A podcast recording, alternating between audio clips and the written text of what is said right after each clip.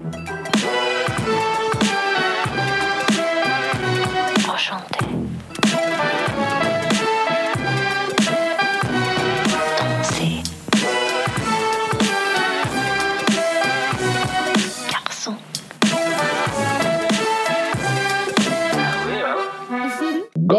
Gata er podcast kommer till er direkt från mitt nyinflyttade, relativt ekiga kök i Bandhagen. Mitt namn är Vincent Messenger och med mig från Norrköping har jag Pontus Hammarkvist. Hur är läget med dig Pontus?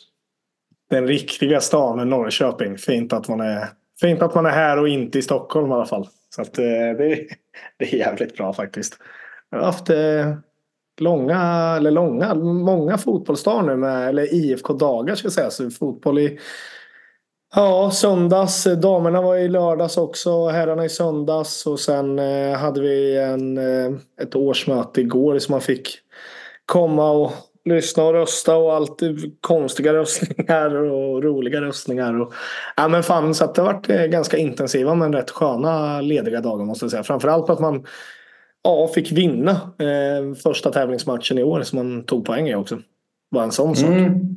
Ja, men, eh, det känns som att det börjar vädras lite morgonluft omkring IFK Norrköping även på här sidan efter helgen. Och eh, jag tänkte bara, jag ska säga det, jag sa det i introt precis, men att eh, jag vet inte riktigt hur ljudet kommer bli här. Men eh, ni får stå ut helt enkelt. Snart har jag mer möbler som bör suga upp lite av det här, eh, vad jag upplever som ett otroligt eko här inne. Ja, det är Ehm, dags, dags att börja inreda lite nu. Vad fan, hur länge har du bott nu? En vecka eller? Det är dags att komma i form nu. Mm, Ungefär. Ja, nej men ehm, det är vad det är helt enkelt. Men skit i det. Vi ska prata om IFK och eh, du, eh, jag tänker att jag har haft fullt upp ehm, med min flytt eh, och alla Mm. saker som hör den där till. Så jag tänker att du får agera lite korrespondent ehm, mer än vanligt här. Absolut.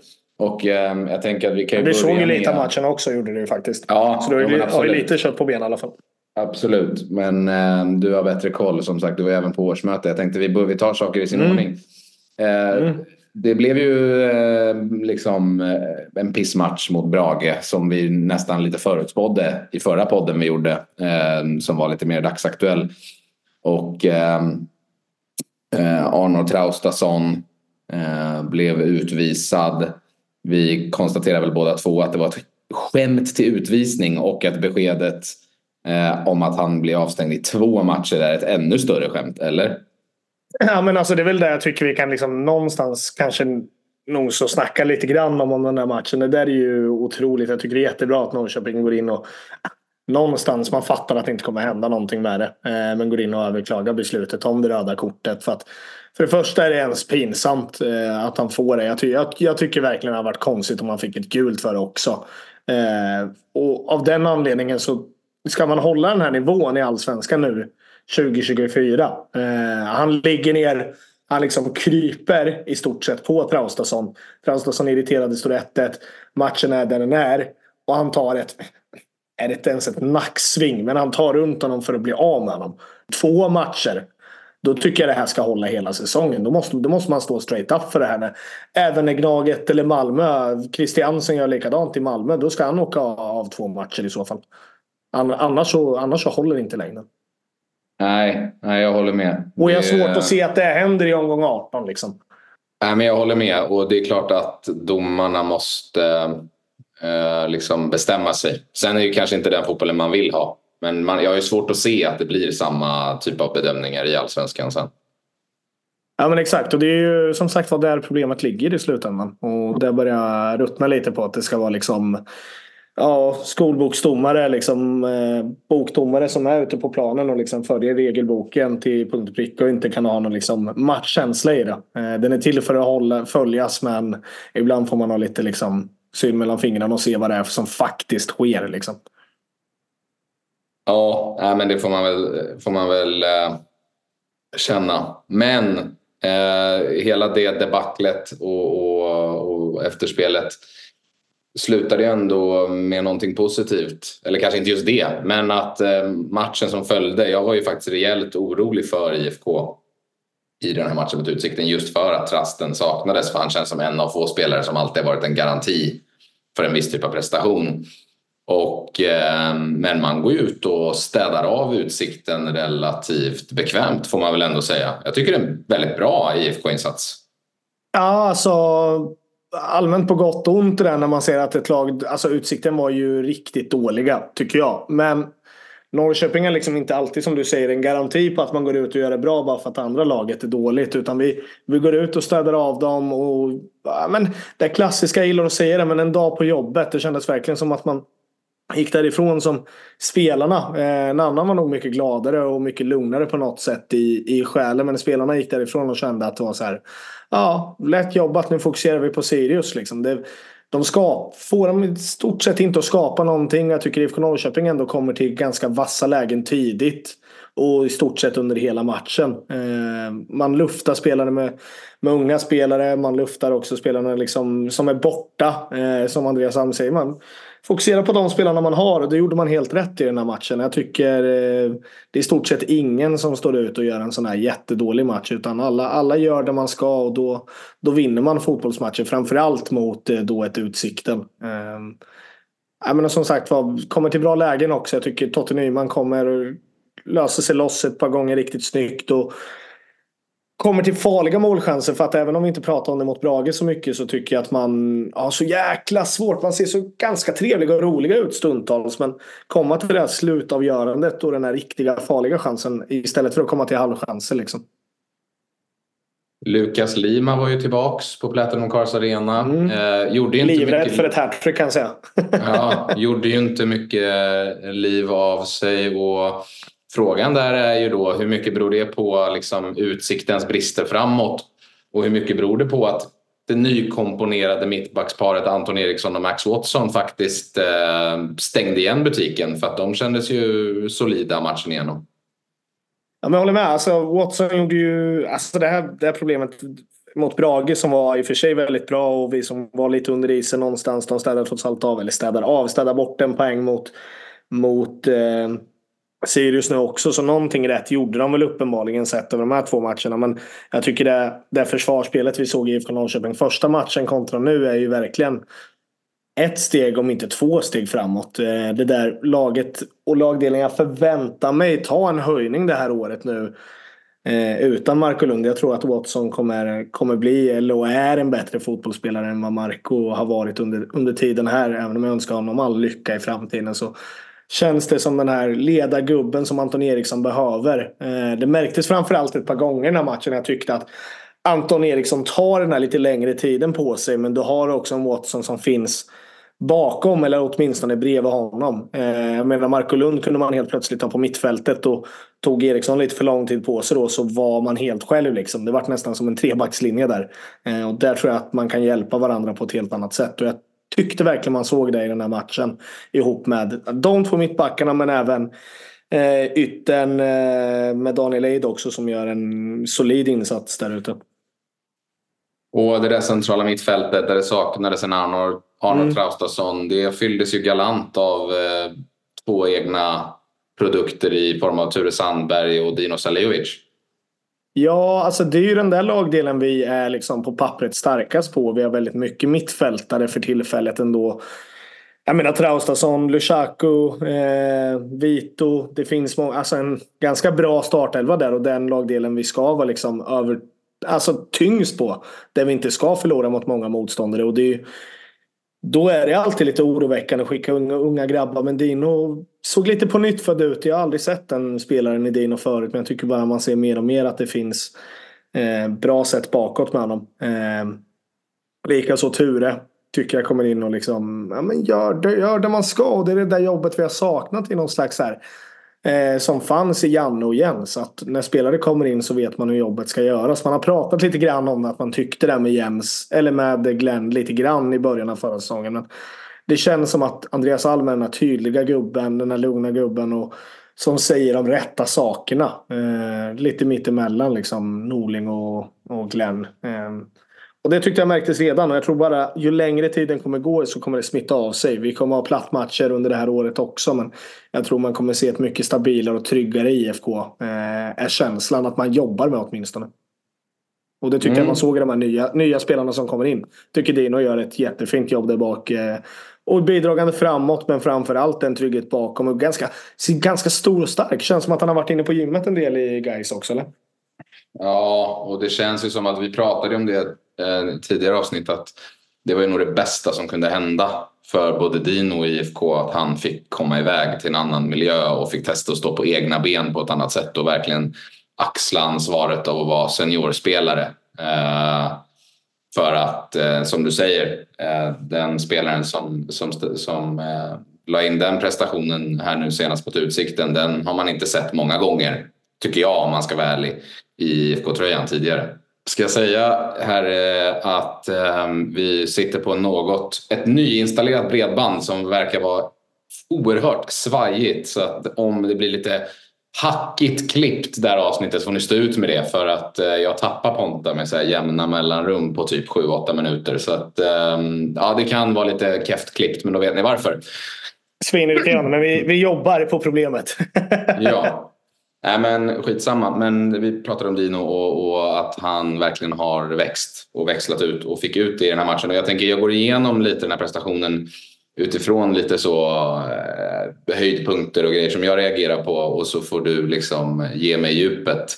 Och då har vi flyttat oss fram i banan här från ett stabilt mittlås till ett imponerande ungt mittfält. Till en eh, Laurent Chabani som eh, åkte ner till Andorra av alla ställen. Fick inte chansen slash var för dålig.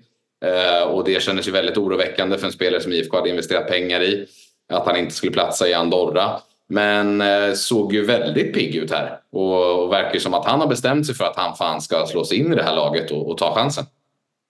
Ja men verkligen. Alltså, ska vi liksom snudda på honom. Jag pratar om liksom första aktionen som är på väg att bli mål av Totte Nyman som löper sig liksom ren på kanten och är sådär tydligt stor och stark och får in den på, på Vito den här gången som avlossar skottet. Så kommer vi till de här farliga lägena och när vi kommer till det här liksom 1-0 målet så ah, mm, Rätta mig om jag har fel nu men det är väl eh, Ture Sandberg som får tillbaka den här bollen på mittfältet där man är stora, tunga, får den vidare. Där tycker jag om det här liksom snabba kombinationsspelet där det går lite undan. Eh, slår den direkt på liksom en Dino som direkt vet vart han vill ha den. Han vill ha den ut på kanten och kände och sett och hör Shabani där ute som tydligt vill ha bollen. Sen är det ju ett bra liksom, eh, nummer utav Shabani själv lite grann på en soloprestation. Men sättet där bollen spelas upp på tycker jag är fantastiskt fint och det öppnar stora ytor till en, till en gubbe som kan göra sin gubbe också. För där är Shabani duktig eh, och viker väl lite lätt inåt om jag inte missminner mig. Och ett jättefint avslut. Och, äh, sett över hela matchen så är Shabani bra men jag ville liksom bara snudda på det där målet. Hur, ja, men lite av ett lagmål man får till ändå som man inte har fått till så mycket och en liksom individuell prestation som, som stämmer. Eh, vi får inte bara tur med oss utan det är väldigt mycket skicklighet till att vi gör det här 1-0 målet. Ja, nej men eh, verkligen och, och, såg pigg och initiativrik eh, ut i, i, i, alla sekvenser jag såg honom med boll och när han fick chansen att driva. Så att, och det känns ju som en spelare som man lite sådär efter hur det gick förra säsongen i hans utlåning har räknat bort. Alltså missförstå mig rätt, men man, man har ju inte riktigt tänkt att Shabani ska vara en av startspelarna i IFK 2024. Nej, nej men exakt. Jag var ju, det ska väl ärligt sägas, när, eh, när han kom tillbaka så var ju inte kanske jag jätteimponerad och nöjd över att så här, ja, är det Shabani vi ska spela med nu? Liksom, hade vi inte kunnat fått en slant för honom. Eh, och framförallt nu när han har fått gå in och spela tidigt här under Andreas Alm. Eh, men förhoppningsvis så kan väl han vara en spelare han får ut någonting av. För att mot Utsikten så tycker jag han är bra över alla minuter han är på plan. Ja, äh, men eh, bra match rakt igenom och även kul. Och Vito får ju två mål. Eh, ett mål kanske var meningen, ett annat inte. Men skitsamma, två mål på Vito. Du har ju varit väldigt så eh, tutat i Vito-trumpeten inför 2024 och känt att det är nu utväxlingen kommer. Så det var ju en bra eh, liksom match för honom så här tidigt på säsongen att få, få lite självförtroende och sen avslutas med eh, en egen produkt i form av Leo Jonsson som får göra 4-0 framför kurvan. all in all så känns det som att det är en bra insats, det är ett övertygande resultat och det är ett lag som är späckat med unga spelare och egna produkter för första gången på jag vet inte hur länge. Och det känns verkligen som att fram, välbehövliga framtidsvindar blåser på kurvan och på nätet och på gatan och överallt där det pratas IFK. Ja, men det håller jag med om. Ehm, det var länge sedan man hade den, den liksom framtidsljuset i tunneln någonstans. Och det är inte bara ett tåg som ska köra över den den här gången utan man är, man är tåget själv som ska ta sig ut den där tunneln. Liksom. Ehm, så att, nej, men jag tycker verkligen att det känns framtidstron. Och om jag ändå får landa på någonstans där du började det här liksom, utlägget med, med Vito så är det ju ja, men ett 2-0 målet som kommer redan efter en minut. Eh, Eh, är ju, ja, det är ju Shabani som ligger bakom det, eller ligger bakom det, tar, tar det där avslutet som, ja men den tar väl på götten eller arslet eller någonstans mitt emellan i mellangården på, på Vito in i mål är det väl va? Men... Ja. ja götten eller arslet. Ja. ja. Ja, men någonstans där mittemellan så tar bollen och styrs in i mål. Och det där 2-0 målet är ju så jäkla viktigt såklart någonstans. Men jag vill, jag vill ändå fortsätta liksom pynta för och klä den här granen Vito Hammershöj Mistrati att 3-0 som han får göra är ett riktigt eh, bra klassavslut ändå. Det, det ser väldigt lätt ut att bara lägga den i det där hörnet. Det det är lite förvirrat efter en hörna. Eh, nickas runt och nickas in och Vito liksom plockar ner den där jävla bollen. Och får till slut liksom vänder sig om i steget och trycker bort den i högra hörnet. Det är ett klassavslut om du frågar mig. Och det, det där målet, 1-0 eller 2-0 visst. Kan ingjuta självförtroende. Jag vet inte fan om jag ska vara ärlig Vincent. Men eh, trean som man får göra tror jag är viktigt för framtiden. Ja, lik förbannat så är han noterad för två kassar. Det kan aldrig vara dåligt. Ja, men så är det. Jag. Så är det. Eh, Nej, men såklart inte. Om du skulle få ge dig på här att eh, pricka in tre stjärnor då och kanske en eh, hårtork för vi var väl båda överens om, ska vi börja med det? Vi var ju båda överens om att kanske ja, en spelare hade det lite kämpigare än alla andra. Ja, men det är väl en spelare jag har varit liksom skeptisk emot och jag hoppas också så där kan blomma ut. Eh, men jag har liksom inte sett höjden i eh, Calais mer än att han har varit väldigt snabb och spännande och slår sina tidiga inlägg som han gjorde i början av säsongen. Där ändå, eller i början av hans liksom IFK-epok. Eh, såg trevliga ut. Men den här matchen tycker jag att han är men ur balans redan tidigt. Tar det här, på tal om liksom regelboksdomare, ytterligare en gång.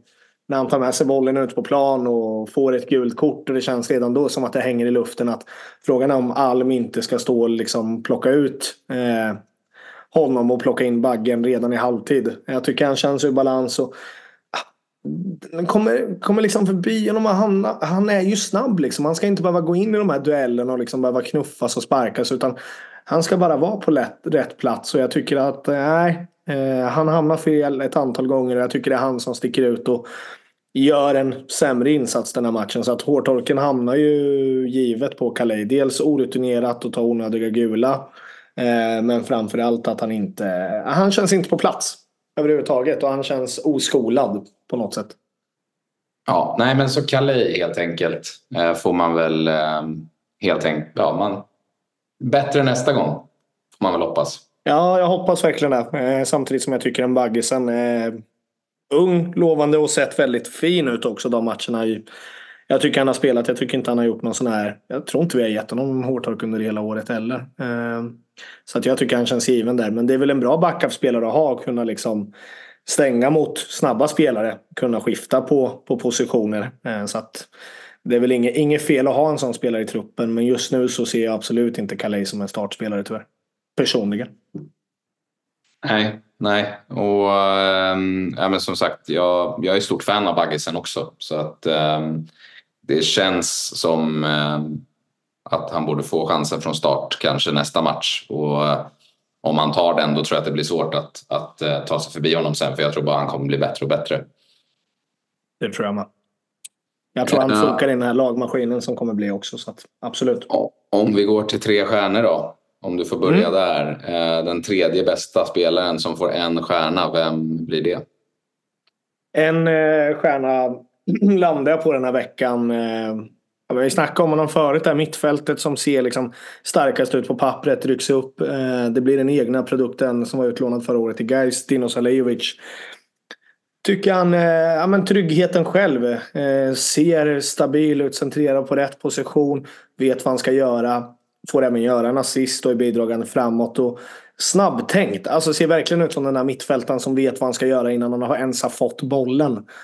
Det tycker jag har liksom Saknas i de unga spelarna och kanske av många spelare i det här laget, framförallt kanske Vito förra året som jag fortfarande tror kommer kunna ha ett genombrottsår så är en mer snabb beslutande Dino Salijovic är ju där man älskar på en fotbollsplan. Framförallt när man börjar spelet så långt bakifrån som man vill göra på ett helt annat sätt och jag tycker att han är definitivt med och bidrar till den här 4-0 vinsten. Eh, en svag Dino Salijovic hade matchen kunnat sett annorlunda ut.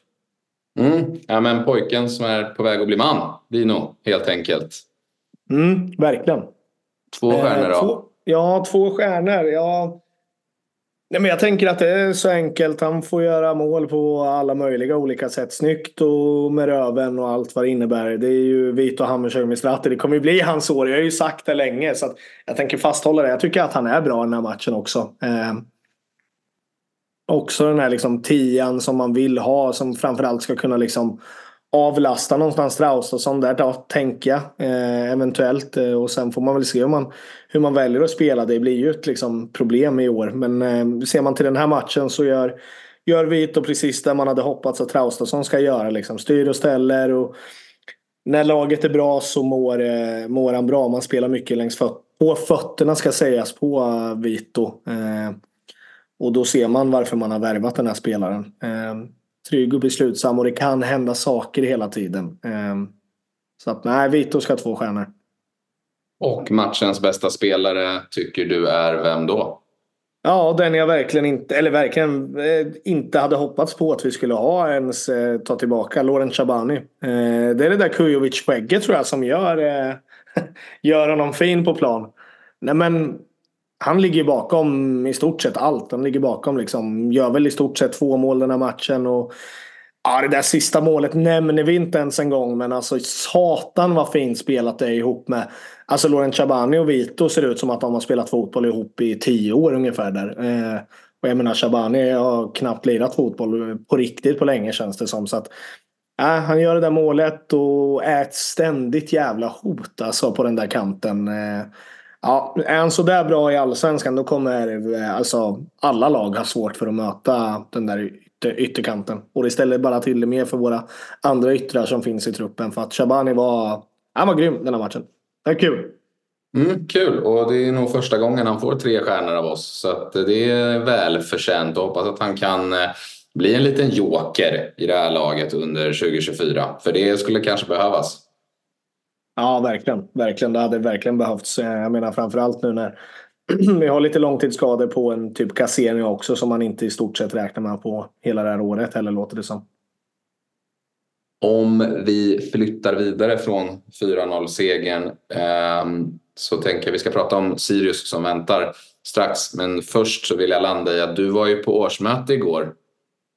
Mm, absolut. Hur, eh, hur var det? Tyckte det var ett bra årsmöte. Det var väldigt lång tid. Det började redan vid 17.30 så jag var där direkt med, med något slags medlemsmöte där man gick igenom lite grann med året som har varit, året som kommer. Eh, framförallt var de båda eh, representanterna från IFK Norrköping, dam och herr, huvudtränarna där. Eh, Tor-Arne Fredheim först och sen Andreas Alm som pratade lite om, om förväntningarna på säsongen. Så det var det var mycket kul att höra. Eh, damerna förväntas att plocka in två spelare på väg in redan nu som du och jag har pratat om. Och han i stort sett lovar att det ska vara en, en anfallare, en nia vad jag fattar det som på honom. Eh, så att vi kan väl börja släppa våra rädslor för att det börja stängas där då. Han, han är nöjd med truppen men han är inte nöjd om han inte får in några mer. Så var det väl alltså. han sa. på ett snyggt sätt. Ehm, ja men också kul och spännande där någonstans när vi pratar liksom ungdomsverksamhet så börjar man bygga neråt nu. Man börjar ju med F19 eller nej, något sånt där. Eh, för några år sedan. Eh, förra året rättare sig ska vi säga. Så nu ska man bygga neråt till F16 och F15. Eh, rättar man mig fel i, i ålder där. Det är helt okej. Men man i alla fall har börjat bygga neråt och man ser en liksom eh, trend över att det finns en liksom spelarbrist nu. Eh, utländska klubbar rycker mycket i spelare. Så att, svårt att få tag på spelare så att ännu bättre att bygga för framtiden. Där. Så att, ja, det var intressant att höra mycket av. Det låter väl sunt och um, under själva, vad ska man säga, eh, voteringarna. Eh, Zacharias Mård valdes in som ordförande igen. Men på ett år istället för två. Eller hur var valberedningens förslag var två år?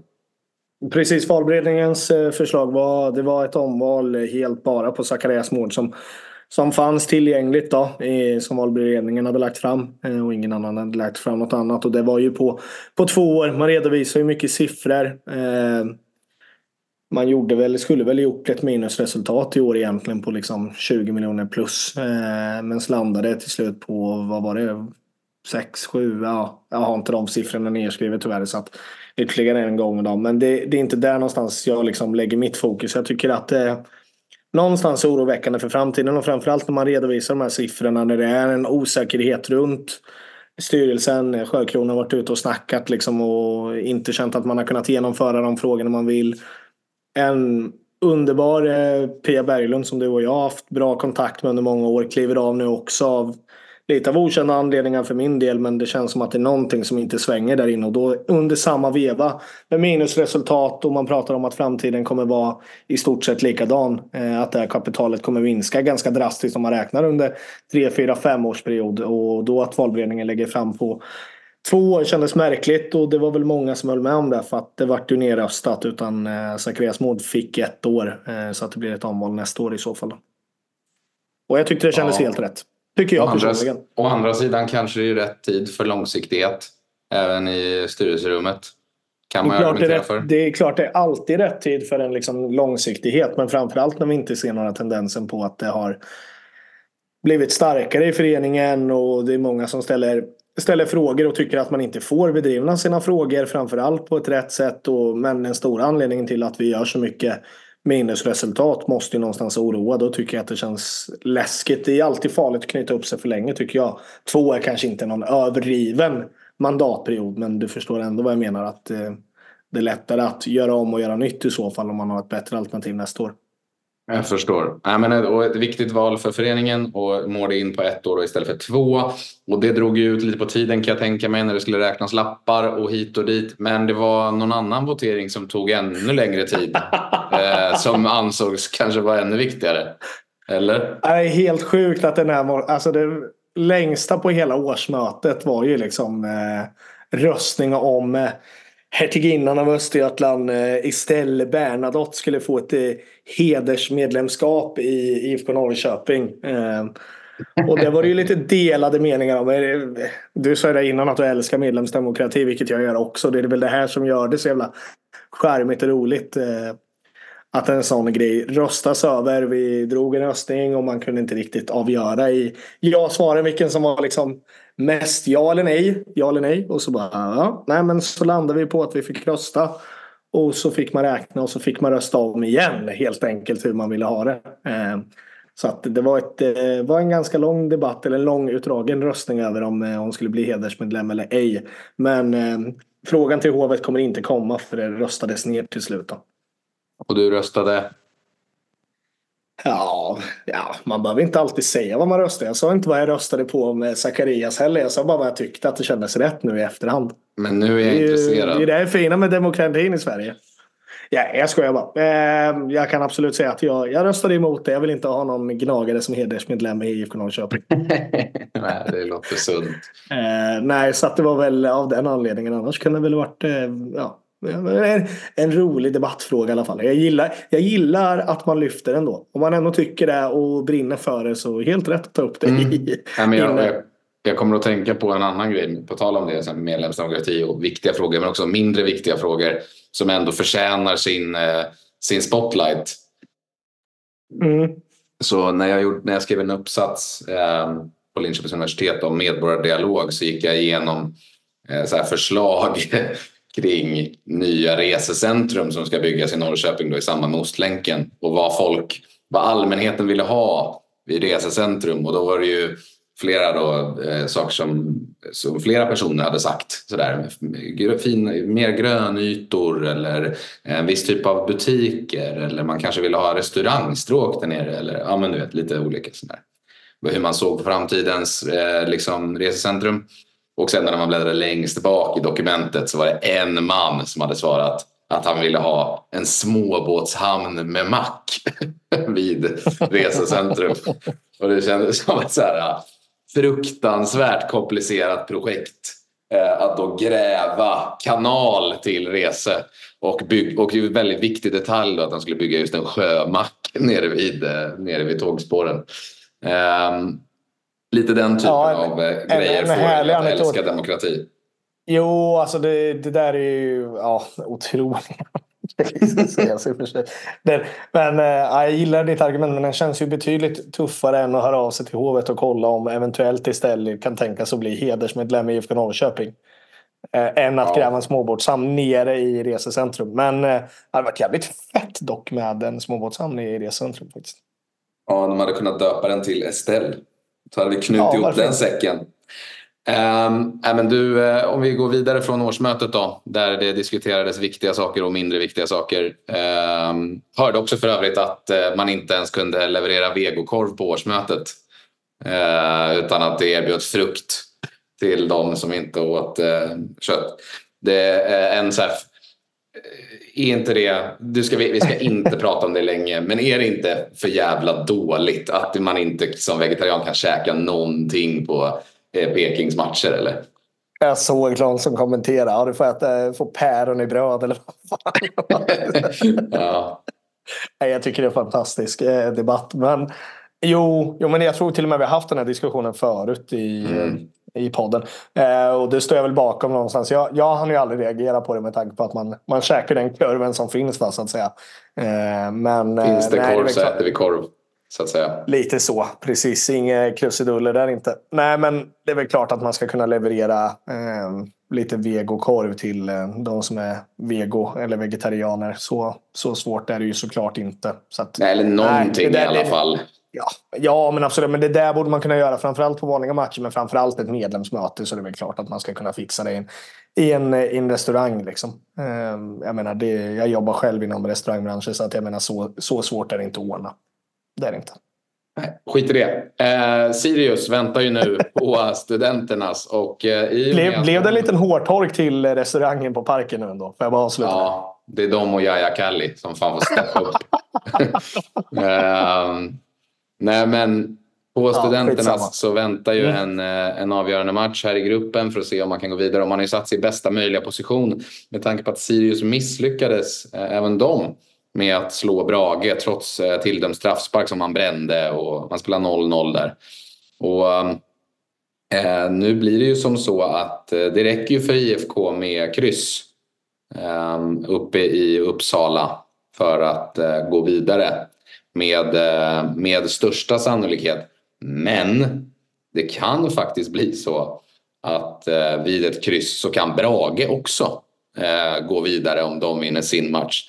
Så att helt enkelt är det inte men eh, jag vet inte, jag har en känsla att eh, man bör kunna åka upp och ändå vara ganska bekväm vid ställningen 0-0. Det är ju Sirius som måste trycka på. Ja, men så är det, men det är alltid en obehaglig situation som IFK-supporter. Det är det för alla lag någonstans när man går ut. Men Ja, jag tycker vi gör en stabil, jättestabil insats nu senast där i, i backlinjen någonstans. Men också, också ett lag som inte hotar oss någonting. Eh, lag som har hotat oss under, under åren har vi haft det tufft med. Eh, bara kolla på Brage senast som ett superettalag. Liksom. Eh, lyckas inte hålla tätt där heller. Eh, så det är alltid lite läskigt som IFK-supporter åka upp och känna att vi kan spela på krysset. Och det jag hoppas är, och det Andreas Alm har varit bra på, att man kanske kan bygga momentum vidare på det här med Watson och Eriksson i där bak som någon slags trygghet. Eh, och det, jag tror det är tanken och idén. Jag hoppas någonstans att vi kommer såklart att gå före eh, i början. Men vi behöver liksom inte sätta en hög press direkt. Utan vi, vi kan känna av vart matchen leder och vilket sätt vi behöver spela när det har gått 20 minuter. Så det blir viktigt det där någonstans att bara inte släppa det här första tidiga målet och känna att eh, vi tappar momentum i det direkt. Utan tappar man ett mål där någonstans så vet man snarare hur man ska jobba sig in i matchen. Eh, men det bästa är ju bara, bara ligga rätt och sköta kontringarna. För jag menar, kolla på Totte Nyman som mot eh, Brage senast när man slog en kanonboll. Jag menar, större och starkare där någonstans så tror jag att vi kommer kunna vara. Eh, en Shabani som kanske är i form och kan, kan faktiskt leka bort sina gubbar mot sitt gamla lag också ska sägas. Det brukar alltid vara positivt att möta dem. Framförallt när man är lite i form eller eh, få igång formen igen. Så att, Ja, nej men läskigt. Sirius borta är Sirius borta. Eh, men vinna ska vi göra ändå tycker jag. Ja, nej men och, och det är ett Sirius som är, känns som att de är i lite ombyggnadsläge. Ehm, um, Tashreeq Matthews out, Wessam Ali out och eh, man har värvat någon ny forward eh, från utomlands. Man har eh, värvat någon dansk fältare. Det har Eh, har ju även plockats in Noel Milleskog som var lovande i Örebro, gick till Djurgården, gjorde det rätt bra i Djurgården ändå. Eh, har landat nu i Sirius. Så att de känns som att de kanske behöver lite tid eh, på sig att sätta sitt lag och, och, det är inte konstigt. IFK bör ändå med betydligt mindre spelaromsättning vara kanske lite längre fram. Eh, och det känns väl som att man får väl ändå säga att IFK är ordentlig favorit till att gå vidare från gruppen. Ja, men det ska man ju vara. Framförallt att man kan spela på krysset. Och det tycker jag väl att man inte ska liksom vara alltför rädda för. Men ja, eh, nej, IFK Norrköping är en favorit och man ska förhoppningsvis vidare i gruppen. Eh, såklart vill man ju liksom ta sig hela vägen som Lushaku pratade om att man eh, vill vinna kuppen eh, i våran podd när vi intervjuade honom. Men jag eh, tycker väl att det känns positivt någonstans. Det känns som att vi kommer kunna spela med samma lag vi gjorde sist. Eh, det är väl Kalle i det då. Vi får se vad som händer. Om man fortsätter genom chansen eh, och kan få liksom, hoppa tillbaka på hästen eller om det blir en baggesen. Annars är väl i stort sett samma lag både framåt, mittfält och bakåt. Eh, jag tycker inte man ska rubba det allt för mycket nu. Det beror lite på vilka som kommer tillbaka såklart. Men Traustason kan vi ändå tyvärr räkna bort.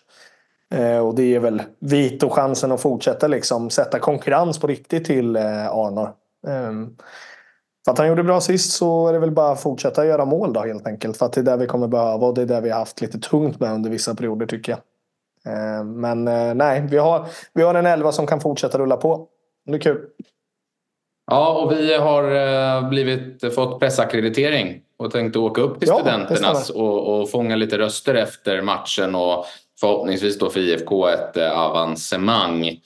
Eh, så det ska bli kul tycker jag. Det ska bli jävligt kul. Där kan jag väl slänga ut en liten punch också om det är något speciellt ni tycker är kul när vi faktiskt är på plats på riktigt. Vad, vad önskar ni att höra? Eller hur? Mm. Um, vi kanske, kanske kan bjuda på lite behind the scenes eh, på pressläktaren ja, på sånt. Studenternas. Ja, en av mina favoritarenor i Allsvenskan ska sägas för övrigt. Otroligt svagt. Nej, jättefint. Ja nej, otroligt svagt. Du, eh, vi ska väl runda och eh, tacka alla er lyssnare för att ni hänger med oss vecka in och vecka ut. Och, eh, nästa vecka blir det väldigt matchfokuserat och det tror jag att ni har saknat. Vi har haft lite fullt upp här så att eh, vi har blandat och gett men nu är vi tillbaka på spåret förhoppningsvis. Och eh, ja, sprid gärna vår podd. Ge, rate oss fem stjärnor på Apple Podcaster och Spotify eller där ni lyssnar så blir vi jätteglada. Och eh, sen tänkte jag väl att vi kan runda av den här podcasten med att skicka alla våra tankar till Norrköpingskillen Kristoffer Olsson som ju chockerande nog eh, kom det ut idag att han eh, ligger i respirator med någon form av akut eh, hjärnproblem eh, på sjukhus och har, har varit inne på sjukhuset i flera dagar. Och det känns oerhört läskigt och eh, vi önskar Kristoffer och hans familj all lycka och tillfrisknande. Verkligen. Eh, superhemskt och jobbigt. Vi är ett helt fotbollsland som är bakom dig Kristoffer och vi tillägnar det här avsnittet lite extra till, till dig idag måste vi verkligen säga. Mm, ja, men absolut stort eh, fan kämpa. Så hoppas vi att allting slutar bra. Verkligen. Tack för oss och eh, så hörs vi nästa vecka. Puss. Det gör vi. Efter tre goda poäng och avancemang i kuppen. Puss på dig. Hej, hej. Hej.